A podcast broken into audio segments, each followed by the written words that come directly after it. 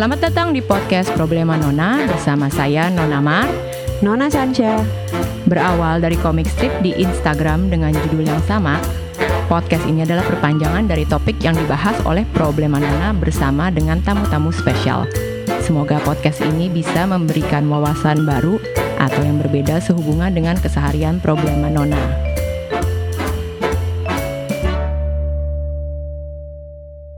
Halo, selamat datang di Problema Nona bersama saya Nona Mar. Nona Sansha. Sudah hadir bersama kita di Booth Is Kemang Radio seorang Nona atau Noni. Nona Noni nggak apa-apa gue. Gak apa-apa. Adalah Tamara Pertamina, seorang sosok seniman domisili Jogja, multidisiplin dan juga self-taught alias belajar sendiri. Di tahun 2013, Project We Are Human uh, digagas oleh Tamara yang bercerita tentang uh, orientasi seksual. Dan juga tahun berikutnya di tahun 2014, Tamara juga merilis dokumenter yang berjudul uh, Bisu mengenai gender kelima di Sulawesi Selatan. Kita langsung aja yuk ngobrol sama Tamara Pertamina. The one and only. Hai. Hai. Apa kabar Tamara? Baik, baik. Alhamdulillah baik. Aduh, gue kenapa jadi deg-degan kayak gini ya? Enggak ada yang perlu dideg-dekin. Baru pertama, Bu, ngerasa aneh gitu. Mungkin karena lo lebih karena panas di sini. Enggak sih, enggak panas. Ada Iya. ada lampu diskonya lagi. Nah, kan? Entah kalau malaman kita nyalain lampu disco kita bisa joget-joget. Boleh, boleh. Jadi apa tadi? Apa yang lagi digarap sekarang ya? Iya. Sekarang masih ngurusin riset sejarah Waria Nusantara. Kemarin uh, baru sempat baru selesai yang di Sulawesi Selatan. Jadi masih ada Aceh, masih ada Patani, masih ada Kelantan, masih Hmm. ada Ponorogo, masih ada Jombang, masih ada Flores, sama Banyumas. Ini semua daerah yang akan diriset untuk untuk sejarah Waria Nusantara itu sendiri karena di Hmm. Oh, masing-masing daerah punya akar sejarah yang cukup kuat mengenai gampangannya kita bilang saat ini Hmm. LGBT gitu. Oke. Cerita juga deh sedikit perjalanan nah, Tamar seorang Tamara Pertamina. Kalau perjalanan di kesenian kan dimulai pas Makci Project. Eh, Makci Project itu project kesenian yang diinisiasi oleh tiga orang seniman perempuan. Ada Lasita Situmorang, ada Ferial Afif, sama ada Jimmy Ong yang dikuratori waktu itu sama Grace Sambo. Hmm. Mereka bekerja sama seluruh komunitas waria di Yogyakarta tahun 2011 apa 12 sampai sekitar tahun 2013-an lah. Eh, nah pas mereka datang, aku ngerasa kayak punya ketertarikan. Sebenarnya bukan di keseniannya, tapi lebih tertarik eh, pada banyaknya kosakata dan pembahasan yang aku nggak ngerti gitu. Jadi lebih banyak bertanya. Terus lama-lama kok makin makin penasaran. Terus berusaha mendekati mereka secara individu dan ya banyak nanya, banyak minta bantuan, bantuan dalam tanda kutip minta diajarin ini, minta diajarin itu, minta diajak ke sana ke sini. Terus terlebih lagi di salah satu programnya mereka kan ada studio visit. Jadi kami eh, diajak berkunjung ke studio-studio seniman. Nah, di situ malah makin makin banyak rasa penasaran dan kayak nyepelein ah itu kan cuma gitu doang kan gampang bisa dibikin gitu gue juga bisa jadi seniman kayak gitu Betul gitu sekali. Siapa saja bisa Jadi jadi merasa tertantang gitu ya. Ah. nah mulai awal mulanya di situ terus nggak sengaja waktu itu lagi mabuk-mabukan di rumah Mabura. temen tiba-tiba ada satu seniman namanya Mas Bagus Wasito tiba-tiba diajakin performance art nah performance art aku kan nggak ngerti performance art itu apa performance itu juga apa gitu Iya, iya. kayaknya gue tiap hari ngamen itu performance gue deh gitu ya sebenarnya lo udah menjalani hidup lo sebagai seorang seniman performance art. Bisa jadi Yang, yang lebih street ya sifatnya. Ah, ah, ah, ah, ah. Nah terus diajakin waktu itu katanya sama bapak performance eh, Indonesia. Widih. Kan gue langsung yang wah siapa tuh? Si ininya. si uh, Mas Bagusnya Mas bilang kayak itu, gitu. ha. Ternyata sama Mas Iwan Wijono. Nah dulu kan belum belum kenal dan nggak ngerti apaan tuh bapak performance Indonesia gitu kan. Berarti ada ibunya. Ibunya siapa? Ibunya siapa? Ibunya. Oh, enggak. Bukan. Habis itu langsung performance di terus dibilangin nanti ada ada media nanti kamu diliput bla bla bla bla bla. Oh oke. Itu kata kuncinya media diliput ya. Langsung mau. Terus habis itu ya udah cuma ngerespon apa Tampil. namanya? cuma ngerespon pohon-pohon yang ditebang di Pasar Sarjana Isi waktu itu terus langsung heboh di selatan di dari kawasan keseniannya Jogja kan ada bencong jadi seniman Oh Oh gitu, langsung mereka eh, hebohnya pada saat itu dengan mengatakan Ah, ah, kalimat itu. Ada Waria jadi seniman, nah, terus langsung yang ya Baru kolaborasi nih, sana gitu. sini diajakin pameran sana sini. Oh, Oke, aku menikmati ini gitu kan di ya disorot, diomongin banyak orang dan in, eh, in a positive way ya, bukan Mhm. bukan Yes, diomongin yes. negatif itu. Tapi lama-lama kok gue terus-terusan diajakin ya tanpa punya kemampuan sebagai seorang seniman gitu, tanpa punya kemampuan membuat sebuah karya gitu. Jangan-jangan mereka mengeksploitasi kewarian gue gitu dan jangan-jangan gue juga menikmati itu gitu. Terus mulai ngasih jarak, nggak berkarya sama sekali sampai akhirnya kemudian mutusin buat uh, kuliah dulu dan belajar dulu gitu. Belajar kesenian. Enggak dong. Enggak lah kalau itu. Belajar memetakan uh, seniman dan kesenian. Oke, jadi biar maksudnya biar Tamara juga paham gitu ya dengan apa yang dicari oleh orang-orang ini dan juga dari Tamara sendiri juga bisa tahu gitu. Oh, jadi mungkin seni rupa tuh seperti ini begitu. Mm-mm, mm-mm. Nah, kalau udah paham pemetaannya kan, kalau aku lebih ke menjadikan seni itu kan juga sebagai media pergerakanku uh, di komunitas ya. Hmm. Bukan bukan bukan bukan fine art yang uh gitu, yang ngikutin market gitu juga enggak gitu. Jadi ya lebih akhirnya lebih ke lebih ke seni pergerakan aja gitu. Jadi momentum sebenarnya ketika Tamara diajak ikutan performance art itu menjadi transisinya Tamara ya dari Mm-mm. eh, seorang apa tadinya pengamen. Aku dulu pengamen di lampu merah sama mantan pekerja seks juga. Berarti itu momen kayak titik-titik di mana transisi menjadi oke ternyata pengalaman gue selama ini eh, sebagai seorang pengamen dan eh, pekerja seks itu bisa menjadikan sesuatu yang menjadi karya seni dan bisa memberikan mengedukasi juga ya. Mm-mm, Apakah itu mm-mm, tujuannya juga? Ya itu salah satunya juga dan selalu uh, menyempatkan bukan menyempatkan ya selalu minta ke mau galeri atau mau siapa pun yang ngundang untuk uh, ngadain artis talk gitu. Karena itu kesempatanku untuk ngobrol sama sama banyak orang gitu. kadang kan orang datang ke galeri tapi dia nggak ngerti nggak ngerti apa pun gitu nggak ngerti apa yang mau kita sampaikan. Nah buat aku secara pribadi penting untuk orang mengerti atas apa yang aku kerjakan gitu. Eh, apakah itu juga penting untuk mengedukasi masyarakat atau warga tentang waria gitu? iya dong iya dong penting. Tapi tidak penting untuk memaksa mereka gitu Hmm. tapi penting untuk menyampaikan iya Mm-mm. Nah, nah, uh, speaking of kosakata juga di uh, kosakata banci atau bencong itu sebenarnya juga sering kali terucap di keseharian kita ya. Hmm. Pertanyaannya juga apakah kalau kosakata banci atau bencong itu menurut Tamara itu sesuatu yang uh, kasar atau yang biasa aja? Kalau buat aku pribadi ya biasa aja sih, tapi mungkin tergantung konteksnya juga kan. Banyak juga teman-teman waria mungkin yang nggak ngerti atau yang nggak paham sejarah bagaimana kata itu muncul gitu. Yang diterima sekarang kan eh, kata itu ter- terlanjur dikonotasikan sebagai kata yang negatif bagi mereka gitu, tanpa sebenarnya mereka juga menelusuri sejarah kata itu awalnya dari mana gitu. Jadi kalau aku pribadi ya biasa aja gitu. Even orang manggil aku dengan sebutan binatang juga bodo amat gitu. Udah udah nggak terpengaruh sama hal-hal yang kayak gitu gitu. Sejarahnya kata banci atau bencong itu kayak apa? Kalau banci kan setahu aku gitu kan dari istilah Jawa ya banci oh, itu eh, akronim buat laki-laki yang punya eh, zakar ataupun biji kecil gitu banci bandolannya cili gitu kontolnya kecil gitu. Ya udah gitu aja gitu. Dan gak ada hubungannya sama waria gitu Iya, sebenarnya Ah. Oh gitu. terus kalau bencong setahuku itu culture eh, Indonesian gay tahun 9 8 80 90-an lah Ha-ha. Hmm. Itu berangkat dari eh, ada maksudnya bahasa apa nggak? ya cuman dari kayak cong-cong doang kan awalnya Oh kayak Oh, ba- bahasa bahasa, banci di bencong. slang Ha-ha. gitu ya. Ha-ha, ha-ha. Dan semuanya positif gitu. Justru malah aku pengen banget pakai kata bencong untuk padanan kata queer karena kata queer itu menurutku paling paling enak untuk eh, apa? Untuk mengistilahkan semua gender gitu. Jadi Untuk maksudnya tra- terjemahan eh, Tamara tuh mau eh, me- menggunakan kata bencong itu sebagai terjemahan dari kata queer. Ha-ha, karena kalau kata queer diterjemahin ke bahasa Indonesia kan konotasinya negatif tuh. Mm-mm. Aneh gitu. Sekarang ini apa kalau sekarang ini apa? Apa terjemahannya queer itu? Ya aneh. Oh iya Kalau di aneh, oh iya, Indonesia. iya aneh ya. Iya. Kalau di Indonesia ya aneh. Queer itu kan weird Kayak sebenarnya. quirky Iya. gitu ya, Heeh. atau- Nah makanya aku pikir diselengin aja deh dibalikin lagi ke zaman 80 90-an jadi bencong gitu. Hmm. Toh enak juga gitu, cangcong cangcong gitu kan bukan.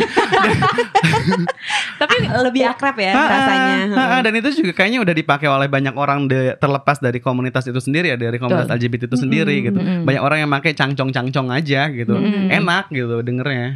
Kayak misalnya kalau ada sebutan ih kayak banci kaleng gitu tuh. Nah, itu kayak eh, kayak sebenarnya mungkin ya sebutannya itu agak me, kayak ngatain gitu kali ya. Hmm, hmm, Tapi hmm. kalau bagi Tamara sih ya udah nggak apa-apa. Ya bodo amat. Jadi kalau banci kaleng itu apa sih sebenarnya? nah gak ngerti lu tanya aja sama orang yang bilang banci kaleng itu apa ya mungkin banci yang suka main ya zaman dulu kan main ecek-ecek pakai tutup kaleng bot tutup apa ya Tutup kaleng kaleng, tutup iya, iya, botol iya, kan dipakuin itu ya. Ha-ha, ha-ha. nah mungkin awalnya dari situ Oh, gitu. jadi maksudnya kayak waria ngamen gitu Ha-ha, ya. ha-ha. Iya, Terus iya. dandanan waria ngamen juga mohon maaf gitu. Kadang kan lebih lebih nampak seperti apa? Seperti lelucon gitu, bukan dandanan yang rapi, yang natural gitu-gitu. Kalau menurut Tamara, mereka kenapa berdandan seperti itu? Apakah- Tiap individu pasti punya pendapat beda-beda ya kalau nanya ke teman-teman waria. Kalau aku pribadi ya salah satunya adalah untuk menutupi rasa eh, ketidakpercayaan diri gitu. Karena gua nggak cantik ya dibikin hancur aja sekalian gitu. Ah, Dibikin Hmm. menor aja sekalian, dibikin medok aja sekalian gitu. Mm-mm. sebagai kayak topengnya ya. Ha-ha, ha-ha. Mm-mm. Tapi kan ada yang cantik juga. yang cantik se sepengetahuan gue sih selama gue ngamen di Jogja waria ngamen yang cantik itu cuma gue kali Kalau kalau Gue suka emang banget lu- nih pedean ini. Kalau lu ngerasa Wari yang paling cantik berarti dandanan lu kayak gimana waktu itu? Kayak lu bisa lihat di IG gue tuh scroll down tuh yang aduh yang masih kurus dan dandannya masih yang natural banget Oh, natural Gua- ya? iya nggak neko-neko gue belum zaman vlogging tuh pakai make belum belum vlogging belum gitu ya. belum gue masih yang rapi banget casual pakai cuma pakai jeans pakai kemeja kadang pakai baju dari kresek Oke. Nah. Itu Avant-garde. itu itu udah menuju menuju seniman sih itu sebenarnya ya. nah dan itu dipamerin di Via Via waktu itu gue nggak tahu kalau itu ternyata karya gitu Yang foto siapa? yang foto bukan bikin baju bikin Oh, bikin baju-baju baju dari aja. Oh, Nah, bajunya dari, dipamerin. Gitu dari ya, apa iya. kantong-kantong kresek ah. gitu-gitu dari tali rafia nah yang tali rafia malah sempat dipamerin di Selasar Sunario terus di Kuningan City terus di Mid Market Melbourne itu kan gue kaget gitu anjing gampang banget ternyata jadi seniman Dan dan dan, dan gue sebenarnya dan maksudnya lo mikirnya kayak gue udah melakukan hal itu sebelum ini ya. before everything was trendy atau before everything was uh, conceptualized gitu. For everything was mainstream. Nah, salah satu speaking of karya juga ya. Kan karyanya Tamara nih banyak juga nih ya, udah cukup banyak ya. hmm. Lumayan, enggak. Ada Enggak. Jangan- dokumentasinya belum? Jangan merendah dong.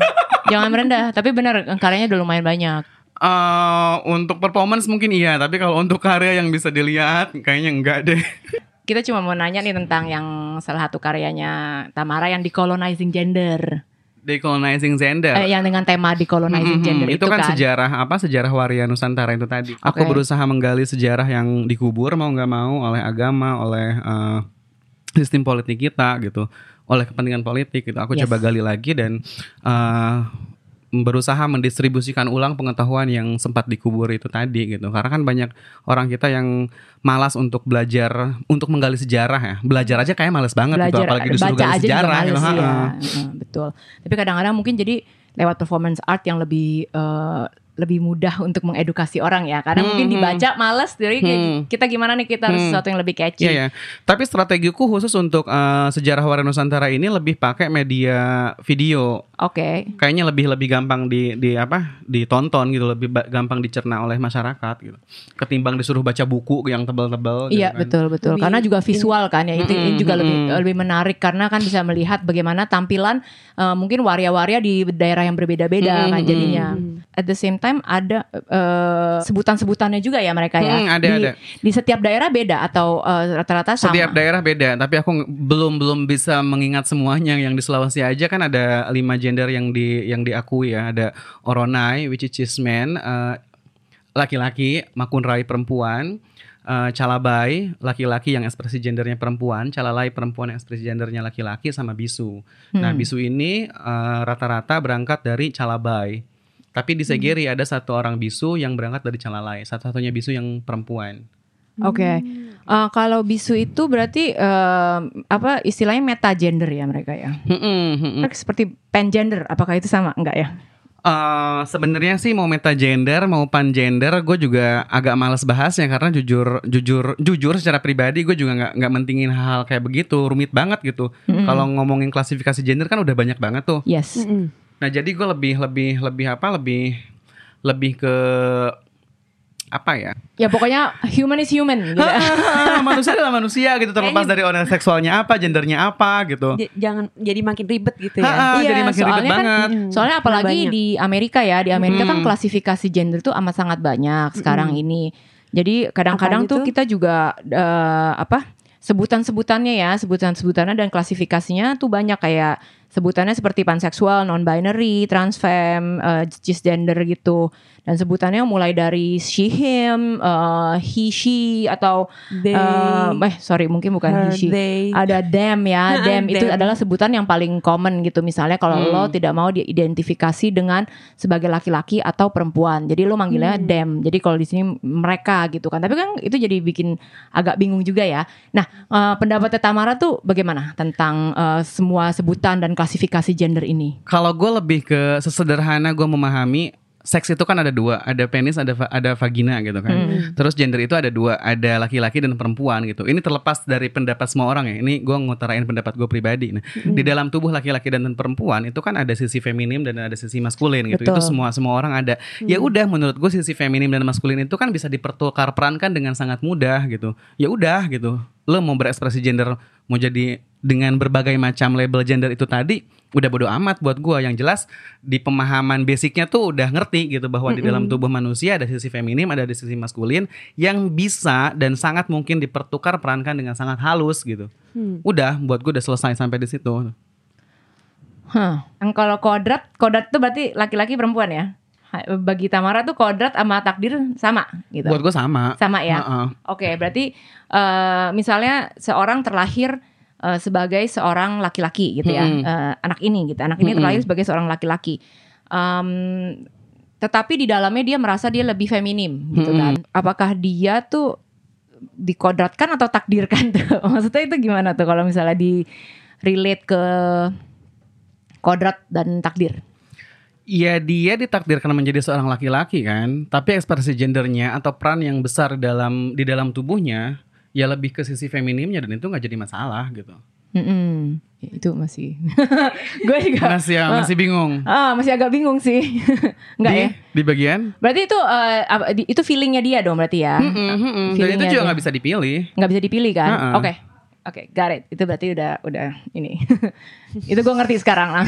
Begitu lu bilang nggak dipilih ya udah bener. Apa kemarin kita Bukan. ngomongin uh, takdir itu asal katanya dari dia adalah bahasa bahasa Arab ya, Mm-mm, mm-mm. yang artinya eh, kemarin lo jelasin ke gitu.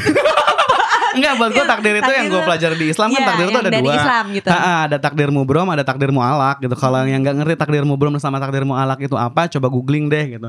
Satu yang jelas takdir itu ada takdir yang mutlak tidak bisa diganggu gugat gitu. Contohnya kematian lo gitu. Terus kelamin lo, lo nggak bisa milih punya kelamin memek atau punya kelamin titit gitu, penis gitu. Lo nggak bisa milih itu gitu.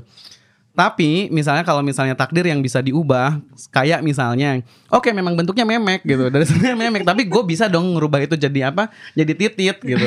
tapi kan berfungsi atau tidak itu sebagai memek dan sebagai titit kan nggak bisa gitu. Iya. Tapi itu jadi memek-memekan atau jadi titit-tititan, iya gitu. Bentuknya iya gitu. Tapi Oke, fungsinya itu jadi beneran memek yang Iya, berfungsi, enggak. enggak, gitu. Secara reproduktif gitu kan Mm-mm, maksud lo. secara reproduktif Kayak gitu. lo, Enggak, lo gak gitu. mungkin bisa hamil gitu. nggak mungkin Iya, gue nggak gitu. punya nggak punya uang nggak punya rahim Iya. gitu mau tubuh gue dirombak seperti apa pun nampak sempurna sebagai Hmm, perempuan gitu kan tapi kan gue tetap nggak punya rahim Hmm. Hmm, oke.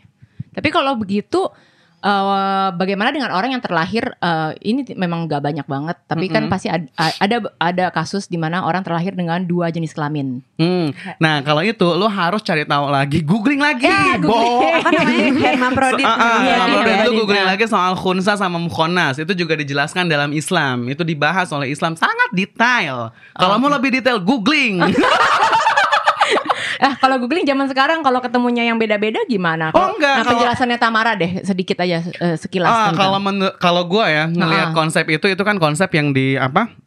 Konsep yang ditawarkan oleh ulama-ulama zaman dulu kayak uh, Syafi'i, Hanafi, Hambali, bla bla segala macam dari tiga golongan Islam terbesar saat itu ya memang ada gitu. Cuman kan kalau kasus hermaprodit ini dia dilihat gitu uh, yang mana yang lebih dominan, apakah sisi feminimnya atau sisi maskulinnya gitu.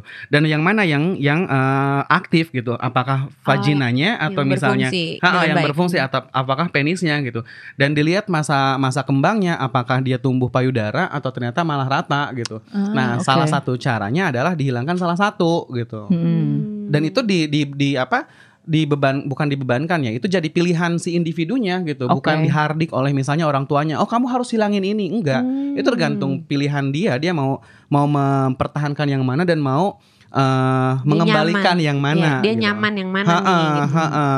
Nah, tapi kan itu maksudku itu itu kalau aku baca sekarang itu kan juga kayak kayak kiasan ya. Ya. Dalam artian bukan benar-benar physically mereka punya dua gitu. Hmm. Tapi lebih ke kayak kiasan aja gitu. Bahwa itu lebih ke persoalan perasaan kok gitu. Hmm. Kalau zaman dulu ada hal seperti itu teknologi belum belum secanggih sekarang kan Betul. dan zaman dulu tuh masih percaya sihir masih percaya kutukan gitu coba bayangkan ada orang yang seperti itu dan sampai diketahui oleh banyak orang pasti kan dia juga dianggap kutukan gitu Mm-mm. di di masa itu ya Mm-mm. belum belum belum secanggih sekarang kan pengetahuannya teknologinya gitu. Kau pikir itu hanya kiasan, cuman dilarikan ke dalam bentuk visual, dalam bentuk fisik gitu untuk memudahkan pemahaman orang-orang. Mm-mm. Ini kenapa gue jadi cadel-cadel gini ya? Minum. Ini Kayak kultum, kayak kultum gitu ya. Kuliah 7 menit. Asli, kuliah 7 menit. Oke, kalau gitu kita juga bisa mengebahas tentang selebgram nih, selebgram yang eh, berbanci-bancian ya, seperti Lucinta Luna mungkin ya. Gak apa-apa deh kita sebut namanya karena juga kan eh, apa? Ya memang itu juga eh, she is a very prominent gitu ya, Mhm. eh, selebgram di Indonesia gitu. Malahan dia yang trending banget lah, dan dia memang mempunyai beberapa eh, ciri khas ciri khasnya dia seperti teriakannya Lucinta Luna gitu kan. Eh, Gitu sih? gitu gak sih? Iya Kita ngagetin semua orang ya. Kita ngagetin semua pendengar hari ini. Aku kaget banget. Iya bener mirip banget sih. Dan itu itu salah satu khasnya dia gitu kan. Se- sebenarnya tapi kenapa ya eh, si Jovi Adiguna juga khasnya teriakan juga loh. Dia suka ngagetin Uh-uh. ibunya itu ya. Uh-uh, dia- Astaga. Iya, jadi itu Iya, menjadi suatu trademark ya. Eh, tapi nggak tahu apakah itu disengaja atau enggak. Cuman ya kebetulan mungkin mereka menemukan eh, sesuatu yang menarik untuk men- untuk para fansnya dia lah gitu, Mhm. fans dan hater eh, eh, pada saat yang bersamaan. Nah itu itu juga menjadi suatu polemik ya karena banyak banget yang haters hatersnya yang selalu yang mencaci maki di sosial media gitu loh. Dan Hmm. seperti juga eh, Mimi Peri ya, juga Mimi Peri juga salah satu sosok eh, eh, selebgram yang sangat-sangat eh, prominent. Eh, pendapat Tamara bagaimana tentang selebgram ini? Sebelum masuk ke ranah pendapat, gue Mm-mm. perlu ngingetin ke semua pendengar gitu bahwa kalau ngomongin soal bebancian terus narik Lucinta Luna, kita juga perlu menghargai dan menghormati penda, eh, apa eh, pernyataannya dia bahwa dia Hmm. adalah seorang perempuan gitu. Nah, Ah, bebancian di sini yang kita maksudkan lebih ke eh, lebih ke tindakan ya, lebih Gerakannya, ke aksi. iya, Ha, ha, ha. betul. Bukan bukan kemudian menganggap Lucinta Luna banci gitu kan enggak gitu. Dia perempuan gitu dan Hmm. kita harus sepakati itu bahwa dia sudah mengeluarkan pernyataan bahwa dia perempuan dan kita harus eh, Respect itu. Ha, harus Yes, respect atas betul. hal itu gitu. Kalau buat gue pribadi yang nggak masalah juga gitu. Kayak ya itu ya bagus aja gitu untuk menosialisasikan kemudian waria gitu dengan cara masing-masing nggak jadi masalah sih buat gue. Mereka juga banyak eh, menuai kayak eh, hujatan, kecaman gitu ya. Tapi apakah dengan begitu itu juga bisa memberi citra negatif gitu loh maksudnya gitu. Kalau ngomongin citra negatif, gue pikir masyarakat Indonesia juga udah udah udah udah sangat cerdas ya. Maksudnya Hmm. itu individu gitu. Itu nggak bisa nggak bisa lo sama ratakan dengan waria-waria yang lain gitu. Sama aja kayak perempuan-perempuan selebritis juga, public figure juga yang kemudian ngel- melakukan tindakan-tindakan yang dianggap tidak wajar atau dianggap eh, apa pun itu yang eh, sifatnya negatif, kan juga yang dihujat individunya gitu, bukan ke seluruh perempuan gitu. Begitupun menurut gue bijaksananya di komunitas waria gitu kan, yang nggak perlu khawatir mendapatkan citra buruk gitu selama lu sebagai individu mau waria mau gay mau apa pun itu juga punya bukan punya ya, maksudnya menjaga menjaga diri lu seba- sebagai sebagai manusia yang bermasyarakat, yang bertetangga gitu misalnya, menjalin relasi atau hubungan yang baik dengan sesama manusia, ya udah kelar gitu. Orang lihat orang makin pinter kok lihatnya individunya bukan bukan lagi komunitasnya gitu. Jadi nggak nggak memperburuk stigmanya itu lagi. Ha, ha, gitu ha, ya. ha. kan jatuhnya juga ke Lucinta Lunanya gitu. Hmm. Atau ke Jovi Adigunanya atau ke Mimi Perinya gitu. Gua nggak pernah tuh misalnya, eh anjing lu se ini sama Mimi Peri ya gitu misalnya. Iya, nggak pernah dikelompokkan Ah, atau nggak pernah dikelompokkan. Itu Jadi- itu Tamara tuh temannya Lucinta Luna gitu. Itu kan bangsanya Jovi Adiguna kan nggak pernah gitu juga gitu. Ah. Jadi itu udah individu udah individu gitu. Jadi menurut Tamara tuh rata-rata masyarakat Indonesia tuh sudah cukup cerdas untuk bisa memisahkan ya Iya dong, nah itu antara ini. Nah, eh, kita juga bisa masuk ke pembahasan soal agama nih. Tadi kan udah sempet ngomongin dikit lagi. Tadi udah udah disentuh dikit dalam Oh, kultum. iya bener. kultum oleh oleh Tamara. Nah, tapi ini kita sebenarnya eh, perspektif agama ini juga eh, datang dalam bentuk pertanyaan-pertanyaan ya, pertanyaan teman-teman teman-teman kita. Ini, oh ya ini kita udah ngumpulin banyak pertanyaan dari Iya. pendengar nih ya. Tapi nggak sebanyak itu, jadi jangan ini, jangan jangan terlalu berharap banyak gitu ya. Jangan berapa ini sampai maghrib kita di sini ya. Iya. Ada hanya ada beberapa pertanyaan maksudnya. Nah, eh, ini ada pertanyaan pertama kali ya. Udah Mm-mm. siap ya, udah siap ya. Siap, siap. Gue punya hak untuk tidak menjawab kan. Oh bisa, ya, bisa. Kalau nggak nanti tinggal tinggal diedit aja. Atau nggak, ah, ini pas, pas. disensor Berikutnya, disensor. Nah, jadi ada pertanyaan eh, agama ini kan di sini kadang-kadang ya terkadang sering dijadikan senjata katanya untuk menyerang eh, komunitas LGBTQ. Padahal katanya di ajaran Islam ada tata cara sholat jika imam menjadi seorang eh, jika imamnya adalah transgender. Bagaimana Tamara melihat ini? Ya memang benar. Hmm. Ah, pernyataan apa yang kamu ucapkan barusan memang benar gitu. Kalau soal tata cara ibadah ya. Hmm. Tapi kalau soal orang-orang yang menggunakan agama untuk menghujat LGBT, ya orang gila aja gitu. Kan kita nggak perlu nanggepin orang gila, iya gak sih? ya sesederhana itu. Maksudku kayak eh, culture di kita kemudian selain selain masyarakat kita makin cerdas, kadang juga menurutku agak lamban menuju menuju kecerdasannya itu ke tahap cerdasnya itu gitu. Kayak misalnya si LGBT ini kan selalu dipersoalkan atau selalu dianggap berdosa atau pendosa karena identitasnya sebenarnya kan, karena Hmm. identitas gendernya gitu. Tapi pernah nggak orang-orang itu mikirin kalau ngomongin soal dosa gitu bahwa semua orang juga memiliki kesempatan yang sama untuk berdosa, cuman masalahnya identitasnya identitas yang common gitu, identitas yang Iya. Hetero. kayak laki-laki, Normatif. yang laki-laki, yang perempuan gitu. Tapi pernah nggak kalian juga mikirin dosa mereka gitu? Kamu udah sholat lima waktu belum gitu? Misalnya, kamu udah puasa belum gitu? Kamu berjinah enggak? Kamu sehari ini berbohong berapa kali gitu? Nah itu kan nggak dibaca gitu, karena kan nggak kelihatan gitu. Tapi hal-hal yang yang sifatnya gender, ekspresi gender itu kan gampang dilihat. Jadi gampang dihujatnya, gampang dijudge-nya gitu, gampang di gampang dihakiminya gitu. Karena ekspresi ya, jadi ekspresif, jadi Ah, kelihatan ah, ah, gitu ya. Tapi kan belum belum belum- mereka mereka nggak nggak mencari tahu bahwa kemudian mereka lebih taat beribadah misalnya gitu, sholatnya lebih tepat waktu misalnya, puasanya lebih rajin gitu misalnya, itu kan nggak dilihat gitu. Jadi hanya melihat bungkus luarnya aja. Ah, ah. Nah lain kali aku pikir juga ya balik lagi ke tadi sih sebenarnya ya orang yang menggunakan agama sebagai eh, alat untuk menghujat teman-teman LGBT aku pikir orang gila gitu. Terlebih Islam ya karena kebetulan bukan kebetulan aku Islam dan sangat bangga menjadi seorang muslim. Satu-satunya waria muslimah yang punya label halal dari MUI. Sertifikasi sertifikasi halal ya. Mana capnya? Itu, itu maksud gue ke, Aku ke- tidak ini, ini, capnya. ini harus harus banget aku bilang penting gak sih apa mengeluarkan sertifikasi halal gitu untuk berbagai macam produk gitu. Itu gila gitu. Artinya kan kalian tidak percaya dengan keislaman kalian sendiri tidak percaya dengan pengetahuan atas agama kalian sendiri apa-apa harus dilabeli halal gitu.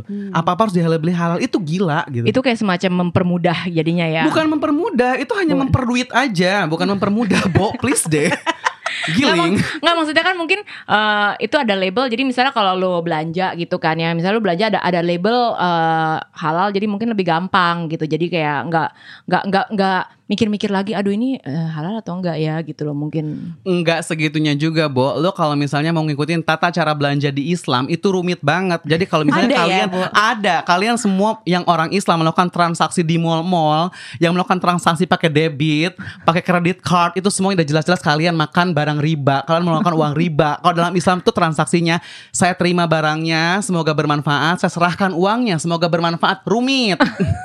Kebayang nggak kalau tiap satu orang transaksi melakukan seperti itu gitu. Lama ya antriannya panjang. Ember. Nggak kelar-kelar nanti. Bisa pakai OVO. Ember. pakai OVO, pakai GoPay nggak boleh dong. Nggak boleh, nggak boleh. Nggak ada dalam Nggak Islam tuh nggak ada.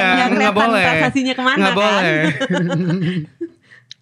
Bagaimana peran agama dalam kehidupan Tamara? Aduh, astaga. Hmm, berat ya? Berat banget Enggak, ya? itu Enggak. gampang banget. Oh, gampang Karena banget ya. Alhamdulillah gue dilahirkan gitu kan di tengah-tengah eh, keluarga yang sangat islami, tapi juga kemudian Islam yang sangat sederhana, yang hanya mengikuti ulama yang bukan ulama yang cari duit gitu, tapi benar-benar ulama yang eh, menjadikan pengetahuan sebagai media untuk berbagi, untuk saling memperbaiki, untuk saling mengingatkan gitu, bukan untuk saling menghujat karena gue kebetulan juga di kampung, jadi gue merasa terfasilitasi gitu sebagai waria, sebagai bencong yang berada di tengah-tengah keluarga Muslim.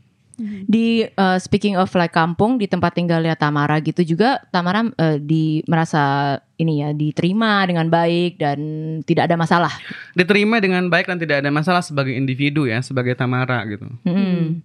Seringkali tuh mungkin kaum waria itu mereka tidak ber eh, apa lebih suka berkelompok ya berkelompok Hmm, sendiri hmm. gitu ya jadi mungkin ada rasa keraguan gitu mungkin untuk tinggal sendiri gitu di tengah-tengah masyarakat gitu bagaimana kalau Tamara menyikapi itu Kalau aku pribadi ya sebenarnya kan nggak betah lama-lama di zona nyaman ya, selalu selalu senang melakukan hal-hal baru dan keluar dari apa yang udah aku anggap nyaman gitu. Hmm. Bosenan lah anaknya, cancer, Bo.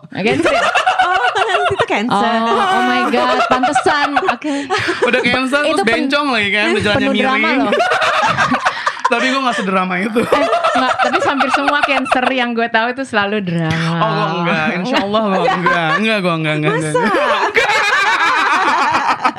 Enggak gue enggak Maksud gue ya kalau misalnya lihat track record gue di Jogja gitu Yang pindah satu tempat ke tempat lain dan itu akibat pengusiran warga gitu ya. Buat gue bodoh amat gitu. Yang yang penting buat gue pribadi gue diusir bukan karena gue melakukan eh, kesalahan gitu. Gue diusir karena mereka sudah termakan stigma waria negatif gitu. Hmm. jadi itu kan jadi masalah. Selama gue nggak meninggalkan apa namanya nggak meninggalkan jejak yang buruk di masyarakat ya bodoh amat gitu. Toh pada akhirnya juga di Jogja saat misalnya papasan dengan induk semang gue atau ibu kos bapak kos gue yang dulu kami masih saling sapa gitu. Dan ternyata problemnya kan bukan di persoalan sama yang punya kos gitu tapi lebih ke tetangga kiri kanan yang rusuh. Oh iya. Speaking of stigma negatif, ini juga ada pertanyaan ya. Em, pertanyaannya adalah eh, masyarakat kita punya stigma negatif bagi eh, kaum LGBTQ, memaksa beberapa dari kita tuh untuk hidup dalam ke kepura-puraan gitu. Seberapa dalam dampak negatif ini, dari kepura-puraan ini? Hmm. Nah, yang punya stigma negatif itu kan tadi kalau dari pernyataanmu masyarakatnya ya, Ya, bukan Hmm. LGBTQ-nya gitu. Jadi Bukan. ngapain LGBTQ yang mesti ngikutin masyarakat gitu? Tapi kan maksudnya eh, kaum LGBTQ-nya itu mendapat tekanan jadinya kan. Tekanannya seperti apa? Gue gak masa ditekan. Oh. Gue gak bisa ditekan. Tekan aku. ya kan? Misalnya tekanan yang seperti apa gitu. Kalau misalnya gue gue diusir juga mau dianggap sebagai tekanan ya itu tekanan Iya, gitu. Tapi. Jadi tergantung lo nya gimana Ah, ya. tergantung lo nya menyikapinya gimana gitu. Ada misalnya ke- ya kayak gue misalnya udah jelas-jelas itu pondok pesantren, terus cari kos sampingnya pondok pesantren. Mm-mm. Terus gara-gara gitu. Ah, ya jadi gara-gara, boh. Hmm, jadi lebih baik menghindari gitu maksudnya. Bukan menghindari juga bisa masuk tapi harus Ah. tahu dulu celahnya gitu pendekatannya harus seperti apa kayak gue masuk oke. pondok pesantren kan mau nggak mau dandan kayak mamah dedeh gitu Ya. kan Menyesuaikan, gitu ya. menyesuaikan tapi kan lama-lama pelan-pelan lah Ah. buka dulu kerudung Ah. gitu kan buka dulu baju-baju panjang gamis-gamis lama-lama udah pakai hot pen udah nyantai aja warga yang penting tunjukin dulu Berkala banget ini.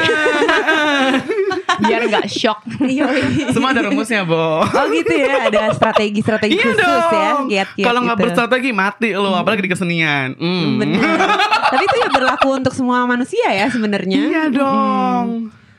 Keinget juga jadi bahasan kita tentang eh, NGO ya, NGO dan bantuan-bantuannya terhadap waria. NGO. NG NG. NG. Aduh. NG no, bukan NG no. Angie, no. Nah itu Ah, kenapa lo kayak have such a strong feeling gitu ya tentang NGO ini? Coba Enggak, diceritain. aku kan awal-awal ke Jogja itu tahun 2008 ya. Terus langsung yang aktif gitu dengan beberapa komunitas, dengan beberapa organisasi. Gue aktif di Kebaya, Keluarga Besar Waria Yogyakarta. Gue aktif di SBY, Serikat SBY Banci? Yogyakarta. oh my god, keren banget. Terus gue juga aktif di Iwayo, Ikatan Yogyakarta. nggak? SBY Semoga dia tahu. Semoga dia tahu. Semoga dia tahu. Aduh tapi Mas Agus tolong ya aku jangan dibungkus. aku Tamara bukan Anissa. Astaga, ya gitu maksud gue kayak kalau gue secara pribadi sih gue nggak nggak mau mengeneralisir. Gue gue lebih banyak pengalaman negatifnya sama NGO gitu. Dan itu kenapa gue memutuskan untuk keluar dari semua organisasi dan um, mengerjakan apa pun sendiri gitu. Ya tidak benar-benar sendiri. Aku masih berhubungan dengan teman-teman komunitas juga gitu, dengan individu juga gitu. Tapi kalau untuk di bawah naungan NGO, aku aku udah udah ngerasa nyerah gitu karena aku merasa cukup lama dibonekakan oleh mereka, cukup lama di dibodoh-bodohi gitu. Bukannya dibikin makin cerdas, makin pinter, makin eh, bisa mm, membuat strategi-strategi bermasyarakat gitu, ber, bersosialisasi dengan masyarakat yang lebih luas gitu. Ini enggak gitu, malah ditaruh. Aku ngerasanya malah dibonekakan dan ditaruh di satu titik. Ya gitu aja. Dan aku pikir itu masuk akal kok. Maksudnya orang-orang di NGO kan juga butuh butuh pemasukan untuk survive ya. ya. Nah persoalannya aku nggak mau lagi dijadikan bahan bahan proposal mereka itu tuh nggak mau. Hmm, menurut Tamara tuh kehadirannya NGO itu yang komunitas-komunitas waria itu kan mereka juga pasti terbantu dengan eh, financial ya gitu ya Mm-mm. dengan bantuan financialnya Yang- itu. iya ya. Dari sisi positifnya iya banyak banget yang yang yang rasa kebantu gitu. Tapi kalau untuk untuk aku pribadi ya mau aku mau nggak mau juga terbantu gitu dengan benturan yang mereka berikan gitu terbantu untuk keluar dari dari lingkarannya mereka itu Hmm. lingkarannya NGO sampai akhirnya memutuskan sendiri itu kan juga bantuan lain Mm-mm. bagaimana mereka me- apa mematangkan pola pikirku mematangkan perspektifku gitu untuk akhirnya harus menghindar gitu itu kan juga bantuan dalam bentuk lain gitu. Dan juga nggak semua NGO seperti itu Iya intinya pastinya dong. Iya iya iya. Tapi masih banyak kok NGO-NGO yang memang nothing tulus benar-benar niat bantu dampingin gitu mau mencerdaskan tapi itu jarang banget Tapi memang kayak mungkin eh, ya NGO karena kan pasti kan ada yang karena mereka ada yang mendanai dan yang mendanai ini Hmm. itu kan biasanya mungkin ada pasti ada sesuatunya lah gitu kan. Mhm. Jadi mungkin dia ada titipannya, ada Iya, mungkin iya. agendanya. Jadi ini menjadi sesuatu identitas politik berarti ya. iya iya iya mereka kan melakukan itu by order Mm-mm. Dan kadang orderannya tidak sesuai dengan apa yang dibutuhkan di lapangan Jadi nah, itu kayak- tapi jadi tetap- miss menurutku Oke, jadi mereka tuh tidak me- mengkondisikan ya dengan kondisi Mm-mm, lapangannya, mm-mm. tapi malah ya pokoknya gue agendanya begini, Mm-mm. ikut agenda gue, walaupun kondisi lapangan ternyata berbeda gitu. Mm-mm, mm-mm. Ada nggak kayak contohnya atau ceritanya yang menurut eh, Tamara tuh kayak ya ini nih nggak nggak nggak sinkron nih gitu. Aduh, aku gak mau nyebutin. Nggak nggak usah nyebutin, nggak usah nyebutin kayak nama yang- yang NGO-nya. aku- badannya sih. Uh, yang aku yang aku alami ada di Jogja. Maksudnya kayak kan aku selalu berusaha memaksimalkan apa pun yang orang lain mau NGO mau pemerintah yang yang bentuknya berupa bantuan gitu. Mau bantuan pengetahuan, mau bantuan pengalaman, mau bantuan materi sekalipun gitu atau apa pun gitu. Aku selalu memaksimalkan apa yang sudah diberikan oleh orang dan sebisa mungkin aku mengembalikan itu ke orang ke orang yang sama ataupun ke orang lain dengan bentuk yang lain ataupun dengan bentuk yang sama gitu. Misalnya yang aku alami di Jogja, aku pernah dimasukkan dalam kategori gepeng, gelandangan dan pengemis. Yes. Jadi kategori waria itu nggak ada, tapi masuknya ke kategori gepeng. Nah di kategori itu aku dapat bantuan support dari pemerintah, pemerintah daerah berupa pelatihan mental, pelatihan eh, mengelola keuangan, sampai pelatihan bikin koperasi, orang bank juga datang, psikologis juga datang, terus karena waktu itu aku memilih untuk belajar menjahit, aku disekolahkan di Jili waktu itu inget banget nama sekolah jahitnya disekolahkan di situ gratis. Terus setelah sekolah jahit aku dikasih alat-alat menjahit, dikasih mesin jahit, mesin obras. kursi, manekin, lebas segala macam apa pun yang aku anggap aku butuhkan, mereka pemerintah memfasilitasi itu gitu. Nah, sayangnya untuk teman-teman waria yang lain setelah bantuan itu turun berupa barang ataupun materi dijual gitu. Itu kan Hmm. juga disayangkan gitu. Iya. Nah, artinya menurutku juga ada miss mungkin barang-barang itu atau uh, skill itu atau pengetahuan itu bukan yang dibutuhkan oleh teman-teman waria gitu. Nah, dalam posisi ini aku tidak bisa menyalahkan pemerintahnya juga tidak bisa menyalahkan teman-teman warianya gitu. Mungkin ada komunikasi yang belum klik gitu kan. Iya iya iya, nggak ada pertemuan titik tengahnya ya. Ha-ha, ha-ha. Mungkin ternyata teman-teman waria butuhnya pelatihan jadi montir gitu misalnya atau Mm-mm. pelatihan nyetir bis gitu misalnya. Ada stereotyping Ha-ha, gitu ya. kayak pelatihannya salon, terus pelatihannya ngejahit. Kalau aku kan memang seneng jahit. Ha-ha. Mm. Ini lo dapet pas nih ya Pas. gitu. Nah, tapi dulu juga sempat ada kasus di Jogja uh, ada teman-teman komunitas juga minta alat-alat musik gitu. Tapi pas alat-alat musiknya datang dijual juga gitu. Nah, itu juga kadang-kadang bikin Bingung juga ya. Nah, terus problem lain juga kan persoalan identitas, persoalan KTP. Kan gak semua orang, eh, gak semua teman-teman di komunitas punya KTP. Nah, itu juga eh, menjadikan teman-teman eh, mobilitasnya begitu tinggi gitu. Pindah sana, pindah sini, pindah sana, pindah sini. Nah, jadi untuk melacak keberadaan mereka juga ribet gitu, rumit banget karena persoalan identitas. Waktu itu ada sempat kejadian dari PKBI, Persatuan Keluarga Berencana Indonesia. Mhm. Kalau ngomongin soal stigma dan mereka berusaha keras untuk mengurangi stigma eh, soal mengenai waria gitu. Ada kejadian yang sangat menyebalkan sekali gitu. Mereka nge- melakukan VCT voluntary counseling test dengan mobil dari dinas kesehatan dari PKBI waktu itu ke komunitas gitu. Nah itu kan bukannya mengurangi stigma malah menambah stigma gitu. Orang tetangga yang tadinya baik-baik aja tiba-tiba ada mobil itu datang ke komunitas waria kan langsung itu bencong-bencong lagi pada dites HIV gitu. Orang kan langsung Oh, ketakutan langsung gitu. takut ya. Ha-ha. Hmm. Satu soal warianya mereka aja udah getar-getir, terus kedua soal Hmm. HIV-nya juga masih dianggap penyakit kutukan gitu, masih Mm-mm. dianggap kan nggak semua orang punya pengetahuan yang sama ya. Ya, benar, betul. benar, benar. Betul. Itu memperburuk Ha-ha, stigmanya ya ha-ha. justru. VCT itu kan harusnya kesadaran yang dibangun kan. Hmm. Bukan mereka datengin komunitas, tapi harusnya komunitas mendatangi mereka gitu. Ah, iya ya. Jadi belum ada pelatihan itu iya. gitu. Ya mungkin inisiatifnya eh, sebenarnya mungkin maksudnya baik ya. Maksudnya mungkin dari pemerintahnya, dari PKB-nya mungkin baik. Dia tuh Eh, datang maksudnya baik, tapi gue ngelihatnya ya itu biar over budget aja. Balik lagi ke penduitan ya. kan sebenarnya mungkin dia kayak oh gue samperin aja deh. Soalnya kalau misalnya nunggu lu yang nyamperin kayaknya mungkin eh, eh, lama atau bisa nggak pernah gitu. Jadi mungkin nah, artinya gitu. pelatihan-pelatihan yang selama ini diadakan, kenapa tidak misalnya melatih kesadaran mereka gitu Hmm. untuk eh, untuk eh, me- me- apa ya, me- menjadikan itu sebuah kebutuhan gitu, bukan bukan bukan sebuah kewajiban gitu. Ini kan nampaknya VCT itu jadi sebuah kewajiban karena terus-terusan didesak oleh lembaga gitu atau misalnya oleh PKB atau oleh siapa pun gitu, oleh lembaga yang memayungi teman-teman komunitas gitu. Hmm. Nah, kenapa nggak kesadarannya yang dibangun gitu? Mungkin Mungkin kita lebih lama, lebih lama kali prosesnya kalau untuk membangun gitu iya kesadaran lebih lama tuh. tapi kan bencong-bencongnya lebih cerdas dan lebih sadar atas kebutuhan sendiri kebutuhan masing-masing kan bukannya lebih oke ya Iya sih. Tapi kalau perlu yang waktu lebih lama kan itu perlu ya kesabaran dan perlu biaya mungkin ya lebih besar gitu loh. Kalau ini kan instan, jadi istilah langsung ini gue samperin, lo dateng deh gitu. Jadi kayak enggak dong enggak dong mereka datang langsung ke klinik juga kan mereka dapat uang transportasi ini tuh posisinya sekarang kalau mau tes VCT udah kayak MLM jadi kalau misalnya gue bencong nih terus narik lo, gue gue dikasih lima puluh ribu buat uang transportasi karena gue bawa lo, gue jadi dapat seratus ribu. Nanti lo dapat lima puluh ribu gitu. Jadinya kayak gitu. oh gitu. Hmm, jadi agak Ada insentifnya Ada- dikasihnya. Iya dong. pemaksaan, dan keuntungan di beberapa pihak gitu ya. Mm-mm. Tapi itu ya sebenarnya ya bagus juga gitu ada insentif begitu ya. Enggak. Iya bagus banget tapi gue lebih lebih lebih apa lebih menekankan pada kenapa kesadarannya yang yang tidak dibangun gitu Hmm. bukan bukan karena lu ada uang transportasi terus lu melakukan PCT gitu Oh kayak ibaratnya lo didatengin dokter gigi gitu. Mm-mm. Periksa gigi nggak lo? Periksa gigi nggak? Awas lo, Mm-mm. ntar bolong loh gitu. kalau alasannya Kayak kemudian ditakutin gitu Mm-mm. daripada ah, kesadaran bahwa oh gue harus check up. Gue harus check up karena I take care of myself. Mm-mm. Kalau misalnya alasannya mengganggu waktu kerja teman-teman waria gitu karena harusnya itu dipakai buat ngamen tapi Hmm. ini dipakai buat melakukan tes VCT gitu. Hello, lu pikir tes VCT tiap hari gitu kan enggak juga gitu. Hmm.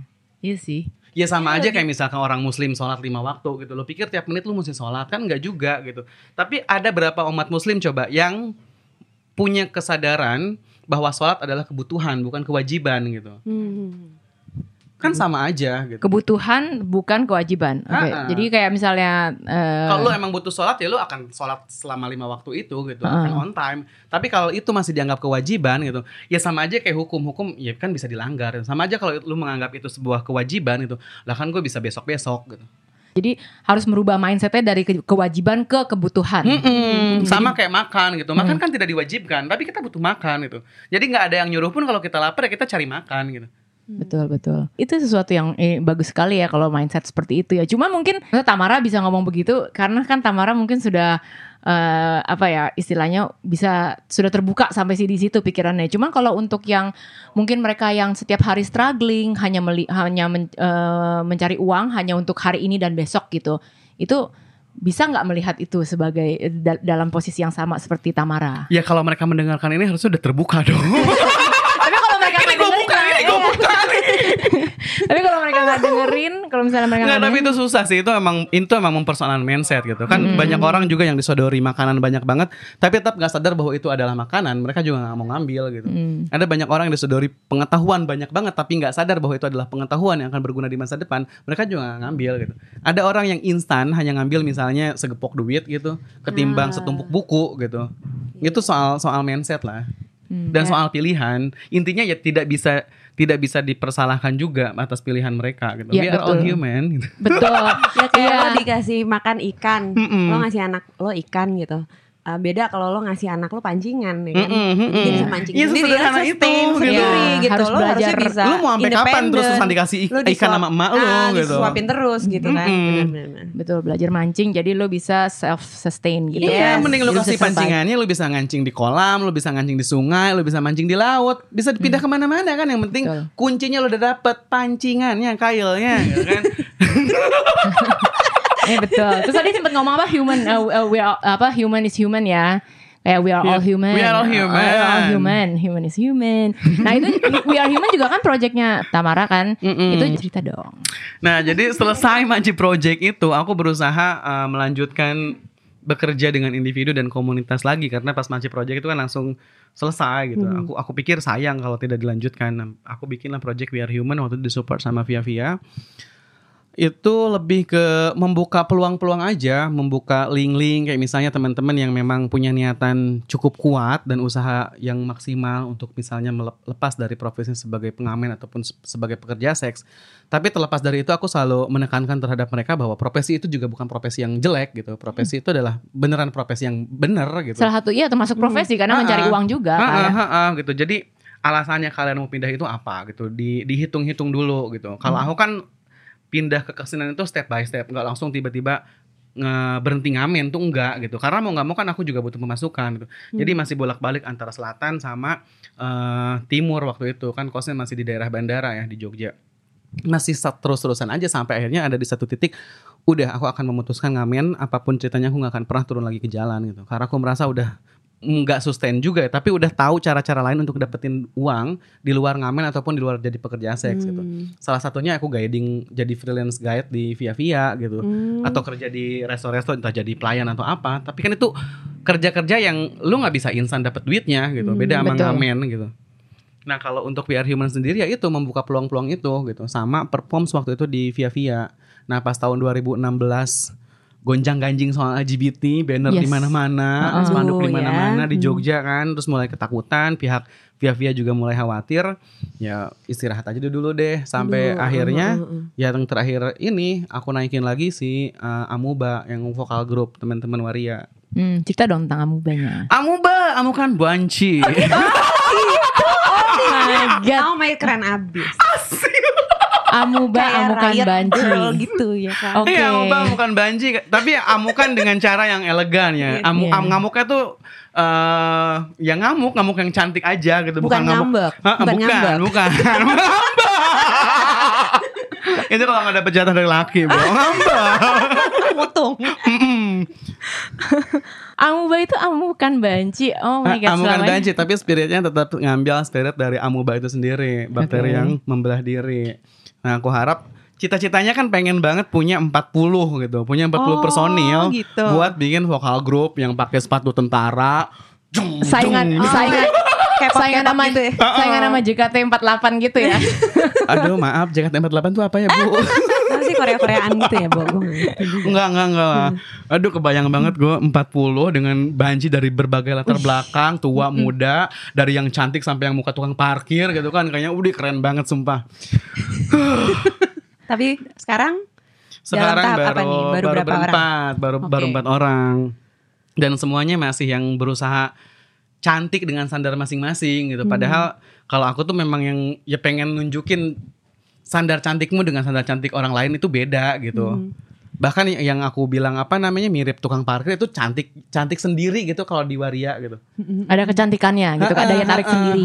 jadi nggak mau ada standar kecantikan lah intinya ya. Dihilangin aja ya. Hmm, si Amoeba ini kan lebih ke pengen nunjukin bahwa eh gak jadi masalah kalau mau jadi apa pun gitu selama lu enjoy dengan dengan pilihan lu dan eh, enjoy atas hidup yang lu punya gitu. Nggak bu, buka kalau di di perhatiin dari lirik-liriknya bukan lirik-lirik yang nyari empati gitu. Bukan lirik yang menjual kesedihan bukan lirik yang menjual pengalaman waria-waria yang kalau diwawancara kan iya aku tuh dulu gini gini gini aku diusir dari rumah bla bla bla Ah, prek. Nggak ada itu nggak ada.